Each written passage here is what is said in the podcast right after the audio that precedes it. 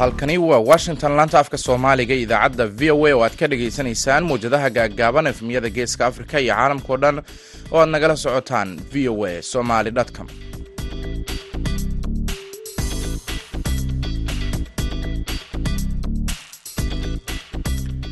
waa maalin axad ah bisha oktoobar waa saddex iyo labaatan sanadka labada kun iyo labaiyo labaatanka. Afrikada bari saacaddu waxay tilmaamaysaa kowda iyo barka duhurnimo. Washingtonna waa lixda iyo barka subaxnimo. Idaacadda duhurnimo ee barnaamijka dhallinyarada maanta waxaa idinla socodsiinaya anigoo ah maxamed bashiir cabdiraxmaan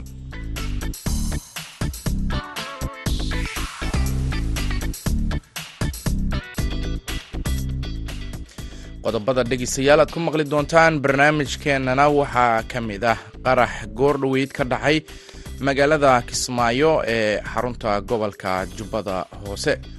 Waxaad kaloo maqli doontaan barnaamijkii hibada iyo halabuurka oo aynu ku soo qaadanayno tartanka gabayada oo sanadkan lagu qabtay magaalada jigjiga ee dowlad deegaanka soomaalida. Indhaweyto suugaan warkeed waan ka waabsadaye waa kanan warin maansadaan waafiyen jiraaye xaalunbaa wacyiga jooga iyo dawga loo wacaye afar baan walaalooyinoo way kan leeyahay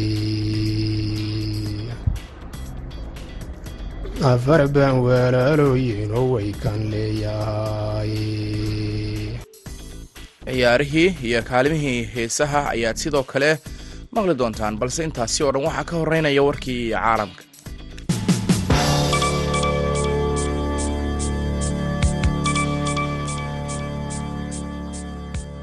Wararka ka imanaya magaalada kismaayo ayaa sheegaya in weerar lala beegsaday hoteel ku yaalla magaalada. Weerarka ayaa waxaa durba mas'uuliyaddiisa sheegtay kooxda al-shabaab. Weerarkan ayaa la sheegay inuu ku bilowday qarax kadibna rasaas la maqlayey goobjooge ku sugan kismaayo ayaa u sheegay v o a in weerarka lala beegsaday hoteelka tawakal oo ku yaalla waddada aada dekeda magaalada kismaayo. Ilaa iyo hadda ma cadda khasaaraha rasmiga ah ee ka dhashay weerarkan laba qof oo kale oo ku jira qeybta karantiilka ee isbitaalka weyn ee uganda ayaa laga helay cudurka ebola taasi oo wadarta guud ee kiisaska laga diiwaangeliya xaruntan ku taalla caasimada kambala ka dhigaysa shan qof.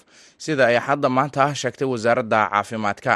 Shantan kiis ee la xaqiijiyey in laga helay magaalada kambala ayaa ah kuwii ugu horreeyey ee la ogaaday ee faafista cudurkan ee laga helay magaalada iyadoo maalmo ka hor ay wasaaradda warfaafintu sheegtay in cudurka ebola ee dalka ka dilaacay la xakamaynayo lana filayo in la soo afjaro dhammaadka sanadkan. Wasiirka caafimaadka ee uganda jane ruth aison ayaa sabtidii sheegtay in saddex bukaan oo ka mid ah lixdan qof oo ku jira qeybta karantiilka ee cisbitaalka mulaago ee kambala laga helay cudurka maalin ka hor waxa ay sheegtay in saddexda qof ee cudurkan uu soo ritay ay la xidhiireen amaba la kulmeen bukaano ka yimid degmada kasanda ee bartamaha uganda kuwaasi oo ku dhintay cisbitaalka mulaago warkii dunidana dhegeystayaal waa naga inta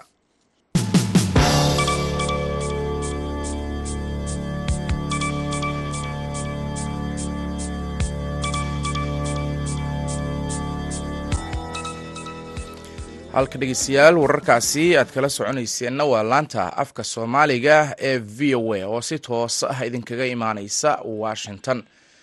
Sidii dhegeystayaal aad wararkaba ku maqlayseen magaalada kismaayo ayaa wararka ka imaanaya. Waxay sheegayaan in weerar lala beegsaday hotel ku yaalla magaalada. Weerarkan ayaa mas'uuliyaddiisa waxaa sheegtay kooxda al-shabaab.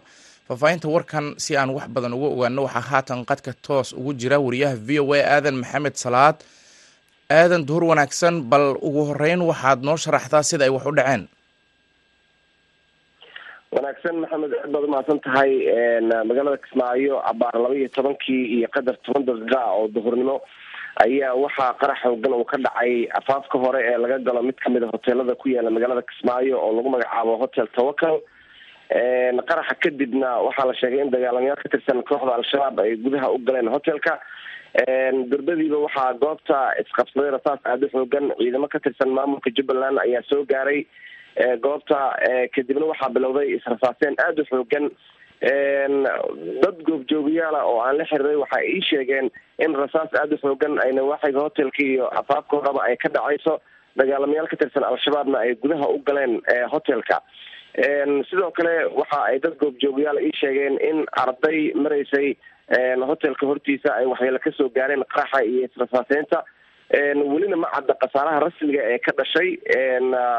Weerarka lagu qaaday hotelka tawakal dabcan hotelka waxa uu ku yaalaa waddada dheer ee aada dekeda magaalada kismaayo ka timaada dhinaca iyo aargada. Waana hotel ay dhawaanahanba deganaayeen odayaasha dhaqanka iyo waxgaradka maamulka jubbaland iyo sidoo kale qeybaha kala duwan ee bulshada.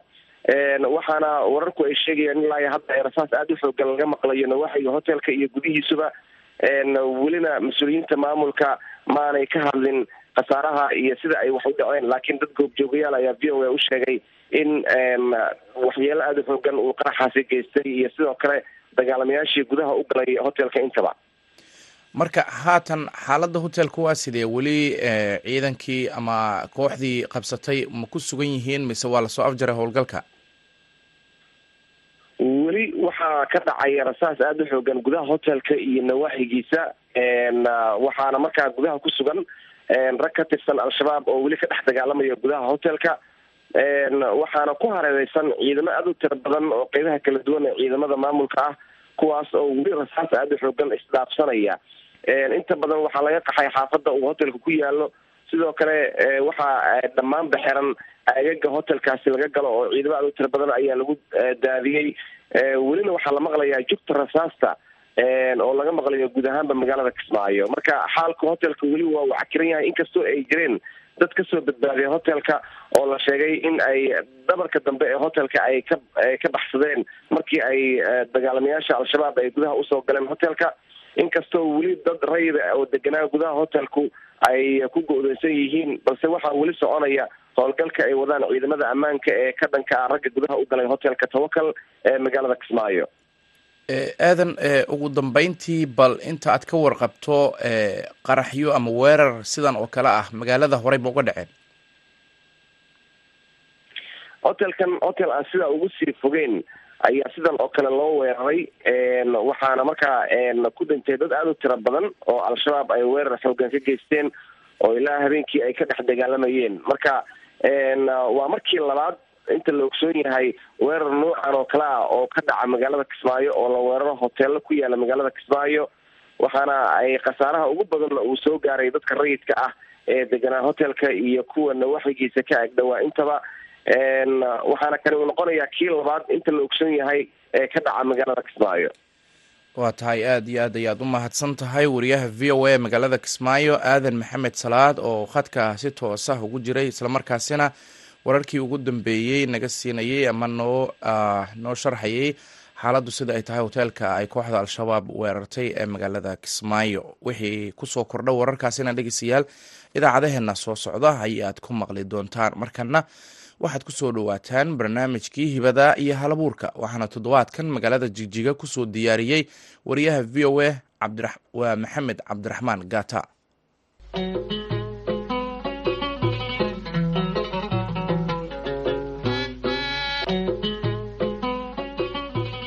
waa mar kale iyo barnaamijkeeni hibada iyo halabuurka oo aalabaad ka dhegeysataan idaacadda v o a laanta afka soomaaliga ee barnaamijka toddobaadkan wuxuu idinka iman doonaa xarunta dowladdeegaanka soomaalida ee magaalada jigjiga waxaana marti inoogu ah mid ka mid a abwaanada deegaanka oo markaasi lagu magacaabo axmed good. Haddaba axmed dhowaan wuxuu ka qayb galay tartanka gabayada deegaanka oo sanadkiiba mar lagu qabto caasimada dowladdeegaanka soomaalida ee magaalada jigjiga iyadoo markaasi dadka ka qayb gala tartankanna abaalmarino lagu siiyo dadka kaalmaha hore ka gala. Axmed bal marka hore ku soo dhowo idaacadda v o a. Waan dhowahay aadna waad u mahadsan tihiin inaad igu marti qaadaan barnaamijka hibo iyo hal abuur ee v o a.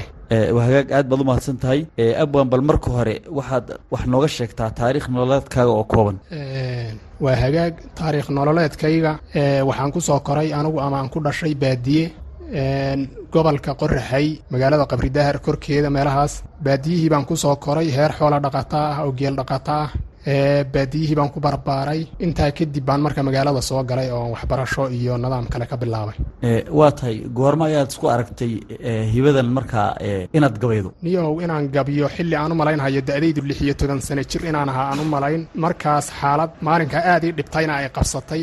Yaan isku dayey inaan gabay ku ciilbaxo marka geel baan raaci jiray oo reerku geel buu lahaa geelana aad baan u jeclaa. Waxaa dhacday marka dhurwaabaa geelii dhowr hale dhowr neef ka dilay nirgo laba jir oo geela laga reebo. Iyo dhurwaa saddex ilmood ka dilay. Nirgihii oo dhurwaagii meeshii uu ku laayey dhiigku ka daadiyey iyo meelaha uu mariyey iyo rafaadka u geystay neefkoo nool buu baalku cunahaya yaa aad ii dhibtay. Xilligaas gabayga iigu horreeyey haa waxaan soo qaatay marka qorisinka laaba. Yaan soo qaatay inaan wax dili karana. Iyo qorigan farsamadiisa iyo shiishkiisa iyo nin uu baxsan yahayna maana ahayn. Ha ahaatee cadhada i haysay baan bahalkii la aaday ilaahay waa igu guuleeyey oo saddex dhurwaa baan xabad ku dhuftay. Mid dhurwaayadii ka mid ah oo intay xalay oo kale xabaddii aan ku dhuftay oo maanta oo kale dhaawac yahay oo meel fadhiya. Yaan dhiiggiisi ku soo raad qaaday oo isagoo meel fadhiya aan u imid. Bahalkii dhafoor xumada haysata iyo dhiigga ka daatay iyo siliciisa markaan arkay. Yaan aad u farxay. Waxaan soo xusuustay silicii geela gaadhay iyo silica isaga gaadhay inay isu eg yihiin. Marka aad iyo aad baan u farxay. Waxaan isku dayey inaan gabyo marka. Barti anoo taagan ba waxaan isku dayey inaan gabyo maxaa ka gabaygaa waxaa ka mid ahaa waxaan idhi duunyadan dareersaday markaad duhurkii laynaysay daribta iyo sakaarka iyo markaad kuruska diiraysay. Anoo caanihii diiday baan cadho la duubnaa. Dabalaab intaan qaatay baan duurka kuu galay adigoo dantaa moodi oo dulundulcaynaya dubka sare dab aan kula rabiyo holacma kaa daaray. Sidii aarankii aad disheen dhiiggu ma u daatay oo ma dullowdeey aakhare cadaab lagu dabaalsiiya maayo gabay wuxuu ahaa marka xaalad markaa kula soo daristay aad ka gabayday saad sheegto oo markaasaad isku aragtay inaad kow gabyi karto.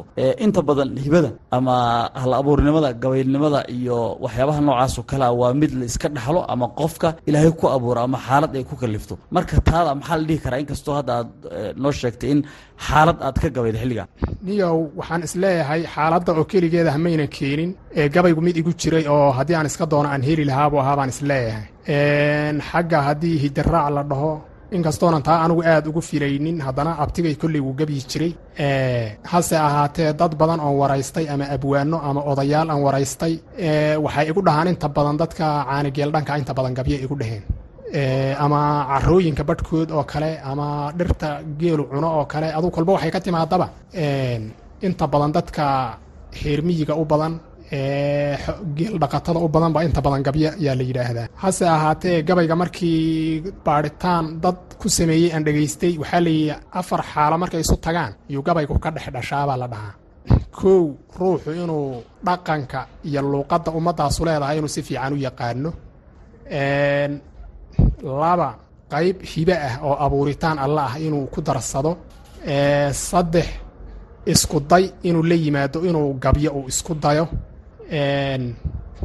iyo midda afraadoo ah ee tixraacan gabaygan uu tixraacahayo inuu horay aqoon ugu sii lahaa oo sii dhegaystay intaasoo dhan markay isbiirsadaan iyo ruuxu waxaa la dhahaa gabyaa. Afartoo markay isbiir afarta haddii midi ka maqan yahan saddexda kale waxay dhahan kuma gabyi karo. Waa inay afartiiba kulmaan waa tahay si fiican baad u sharaxday. Dabcan waxaad tidhi axmedow abwaan axmed waxaad tidhi lix iyo toban jirkaygii baan yacni isku arkay inaan gabyi karo oo xaalad dhacdo ah oo isoo wajahday baan ka gabyey marka imse gabay ayaa tirisay oo aad xusuusan kartaa ama qiyaas ahaan aad noo sheegi kartaa? Niyow gabayada aan tiriyey aad bay u badan yihiin. Laakiin waxaan ku xumaaday ma xifdisani intooda badan. Kartaa? Tira ahaan aad bay u badan yihiin ilaa lix iyo toban jirkaygii iyo ilaa iyo hadda intaa waanu soo gebyahay laba boqoloo gabay way dhan yihiin baa isleeh maxaa ka mid ah gabayada qaarkood oad ka xusuusan karto haddii aad magacyadooda ashe sheegto? Niyow gabayadii iigu dambeeyey. Gabayo waxay ahaayeen dhibaatooyinka af soomaaliga loo geysanhayo markaan u fiirsaday. Aad ii dhibay. Marka iyaga laftigoodii aad uma wada xifdisanin laakiin waxaa ka mid ahaa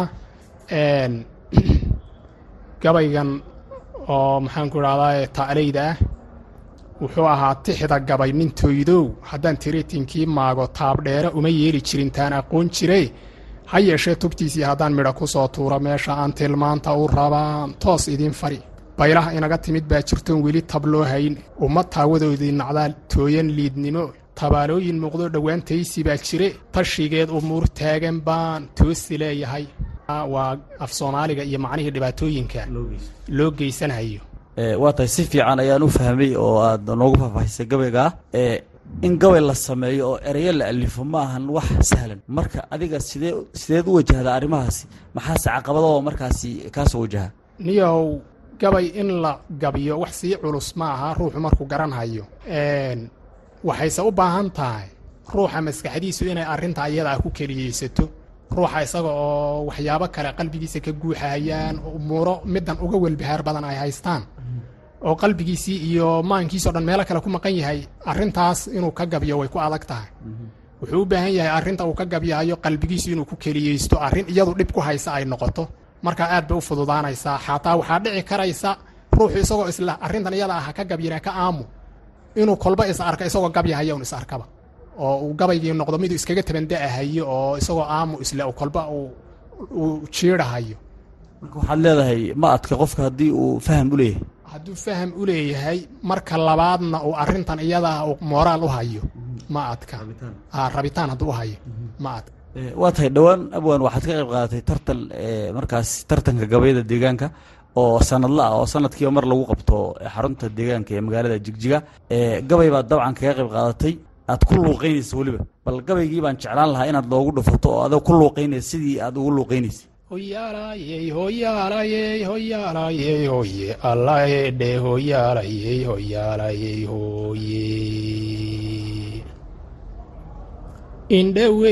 suugaan warkeed waan ka waabsadaye waa kanan warin maansadaan waafiyen jiraaye xaalunbaa wacyiga jooga iyo dawga loo wacaye afar baan walaalooyinoo way kan leeyahay.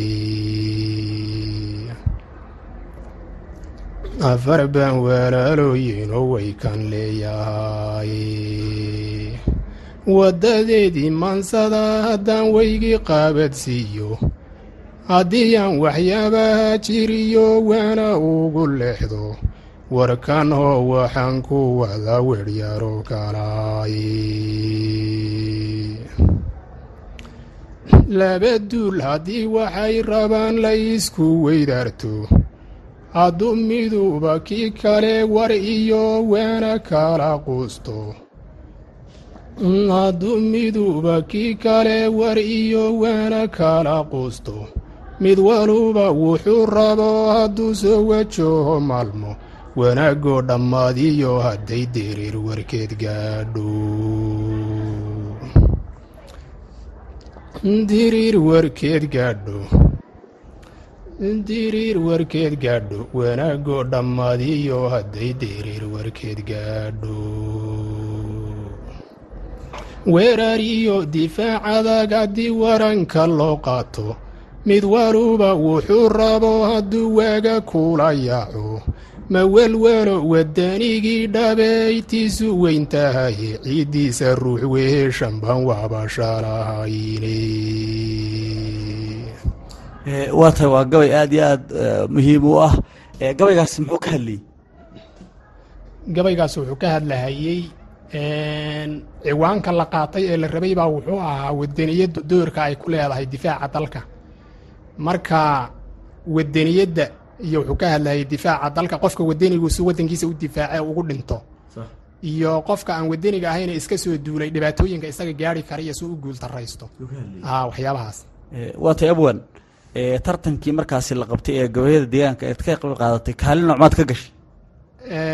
Saddexda qof ee u horeysa abaalmarin la siiyaa kaalinta koowaad ta labaad iyo ta saddexaad saddexdaa qof baa laga xushaa sanad walba marka qofka labaad baa noqday qofka labaad marka abaalmarin noocmaa lagu guddoonsiiyey abaalmarin shahaado iyo waxaa la guddoonsiiyey lacag.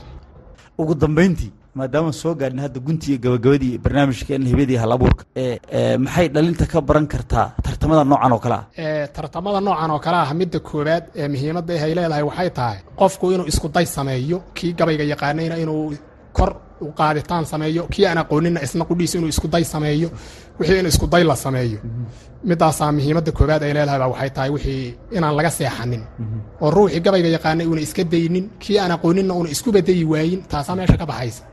Marka wixii ruux walbaan inuu taaggii isku dayo ayay noqonaysaa. waa hagaagkaasi wuxuu ahaa abwaan axmed good oo ka mid ahaa abwaanada deegaanka islamarkaana ka qayb qaatay tartanka gabayada deegaanka oo dhowaan lagu qabtay xarunta dowladdeegaanka soomaalida ee magaalada jigjiga. Barnaamijkan waxaa idinla socodsiinaya anigoo ah maxaa cabdiraxmaan gaata tan iyo kulanti dambe oo xiise leh waxaan kaga tegaynaa sidaa iyo nabaadiino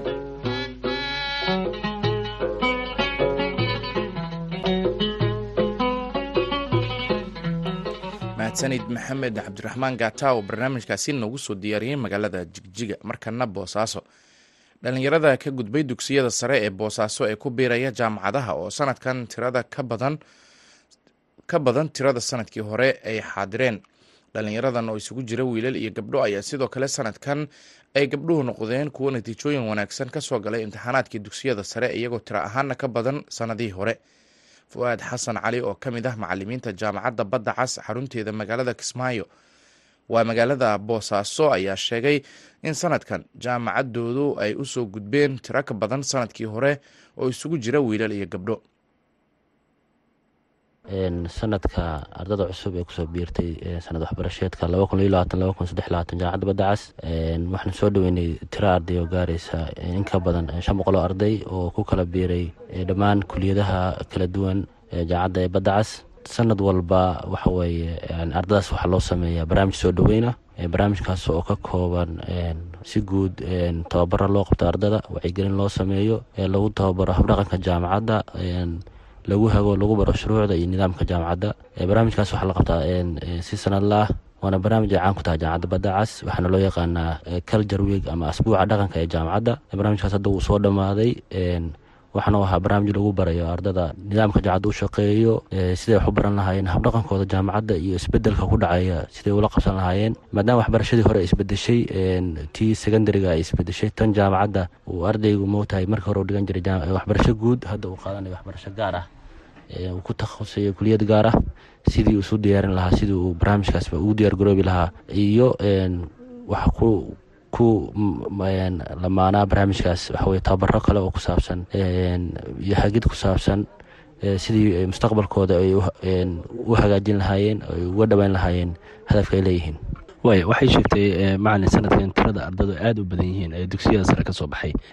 Maxaa farqiga u dhexeeya sooran ka dhaa? Sanadkii hore iyo sanadkan tiradee ayay badan yihiin yuusuf sanad baa sanad ka dambeysa waa tirada jaamacaddu ay ardada soo soo siyaadeysa waxawey waa kordhaysaa de kolley waxyaabaha sababaya waxaa kowka ah dee waqtiyadii hore arday fara badan baa waxaweye banaanka aadi jirtay laakiin hadda taas in laga soo baxay oo waxaweye ardadu wadankooda darajada maaragtay bajularta ay ku dhigtaan taasna waa ay muuqataa. Marka sanadba sanad ka dambeysa waa sii siyaadeysaa dhalinyarada markay ku biirayaan jaamacadaha oo dugsiyada sare ay ka soo baxaan aad ayay ugu wareeraan ee kuliyadaha ay dhiganayaan. Sidii doontaa ahaa iyagoo ha ugu fakreen marka jaamacadda ma shaqeysaa dhalinyaradaasi in ay u dooraan kuliyadda ay rabaan ardayga yuusuf horta annagu ka jaamacad ahaan waxaa jira barnaamij jaamacaddu ay bilowdo xilli hore. Ardaygu waqtiga dugsigiisa dhiganayo ayaan iskuuladiisa loogu booqdaa. Horarka jaamacaddu ay leedahay tababaro loogu qabtaa sidoo kale barnaamij waxaa jirta ay xagaaga qabato jaamacaddu barnaamijkaas oo waxaweye ardada magaalooyinka kala duwan ee puntland ay safar ku kala bixiso. Barnaamijkaas wuxuu daaran yahay ardayga in iskuuladiis lagu booqdo magaalooyinka uu deganya lagu booqdo loo qabto tababar ku saabsan siday kuliyadda u dooran lahaayeen. Marka jaamacaddu waxaweye caqabada noocaasa waa ay dareysan tahay. Sidoo kalena waxay leedahay qeyb consulin oo markuu jaamacadda yimaado rabo inuu isdiiwaan geliyo barnaamijka kala talisa sidoo kale xilliga maaragtay ardaygu isdiiwaan geliyo sidoo kale asbuuca dhaqanka ruuxiisa kuliyadaha waa lagu tababaraa ardada qaarkood waxaa la siiyaa fursad yani xitaa haddii ardaygu u baahdo inuu kuliyadan uu doortay uu iska bedelo kuliyad kale doorto tababarka ka bacdi la siiyo janis marka caqabadaas waan dareensannahay ardadana xili hore waxaan bilownaa bal in lagu tababaro xitaa markay iskuolkooda sanadka ugu dambeeya bilaha ugu dambeeya marayaan waxaan ku booqanaa iskuullada. Waxaana hadafkaas uu yahay bal ardayga intuusan jaamacadda iman. In tababaro loo qabto oo kuliyada waxa qaabka ku dooran lahaa kuliyadiisa iyo qaabka kuliyadda loo doortaba intaba aan ku tababarno. Waaya tirada ardada maadaama ay yihiin arday aada u tiro badan. Marka kuliyadahee bay u badan yihiin ay dhalinyaradu xiiseynayaan inay dhigtaan. Islamarkaana waxbarashada jaamacadda ay ku qalinjibiyaan yuusuf horta hadda yacni dadku dhalinyarada hadda cusub aada waxay ugu badan yihiin kuliyadaha xirfadda ah. Kuliyadaha tusaalahaan kombyuutarka oo kale kuliyadaha caafimaadka oo kale qeybta maaragtay xirfadda marka kuliyadaha xirfadda hadda skiiliska oo moogta gacanta laga qabto ayaa waxaa moodaa inay ardadu aada ugu badanayaan. Sidoo kale de kuliyadaha kale oo waxaweye artskana waa la mid oo waxawey laakiin waxaa moodaa in kuliyadahaas hadda aada u badan yihiin tirada dhallinyarada sanadkan idin yimi wiilasha iyo gabdhaha. Dhinaca waxbarashada marka iskuullada laga soo qalanjeeyo. Yuusuf horta waagi hore waxaa jiri jirtay in nisbada gabdhuhu aada u yaryihiin laakiin hadda waxaa moodaa in galashada qaarkood markaad fiirisid iyo dadka ardada la isdiiwaan geliyey inaan farqi weyn u dhexayn inkastoo weli aan hadda statistikada saxda arda sanadka isdiiwan gelisay aanu soo saarin. Laakiin waxaad dareemeynaa in waxaweye ardada gabdhaha waxaweye inaysan wiilasha wax badan aysan ka yarayn hadda. Waliba kuliyadaha qaarkood ay uga badan yihiin sida kuliyadda caafimaadka oo kale in marka la fiiriyo ardada hadda isdiiwan gelisay ragga iyo wiilasha in ay waxaweye ay gabdhuhu badan yihiin. Ardaydan sanadkan waxay ka soo qalin jibiyeen iskuuladii sare labada habdhaqan ee iskuulkii jaamacaddii maxaa farqiga udhexeeya yuusuf farqi weyn baa udhexeeya oo ardaygu markuu iskuulka dhiganayay waxaweeye dee koo iyo toban qaadanayay oo ay ka wada siman yihiin. Laakiin markan ardaygu waxa uu doortay kuliyaddii iyo maadooyinkii marka uu iskuulka ku dhiganayay kuwii ku fiicnaa. Ardayga xisaabta ku fiicnaa waxa laga maadooyinka xisaabta iyo waxaweye beeska ah buu doortay. Kii xifdiska iyo maadooyinka artiska ku fiicnaana wuxuu doortay dee maadooyinka kale. Marka farqiga udhexeya waxa weye in ardaygu markan culayskii faraha badnaa uu ka yaraaday laakiin hadda la doonayo motahay dadaal dheeriya inuu ku bixiyo waxa uu beri rabo inuu mustaqbalkiisa noqdo mustaqbalka wuxuu rabo inuu ku shaqaysto kaasina ah dhegeystayaal waxa uu ahaa fu-aad xasan cali oo ka mid ah macalimiinta jaamacadda badda cas ee xarunteeda magaalada magaalada boosaaso wuxuuna u waramayey wariyaha v o a yuusuf maxamuud. Yuusuf markana waxaa idin soo gaarayaa codka fanaanada hodan cabdiraxmaan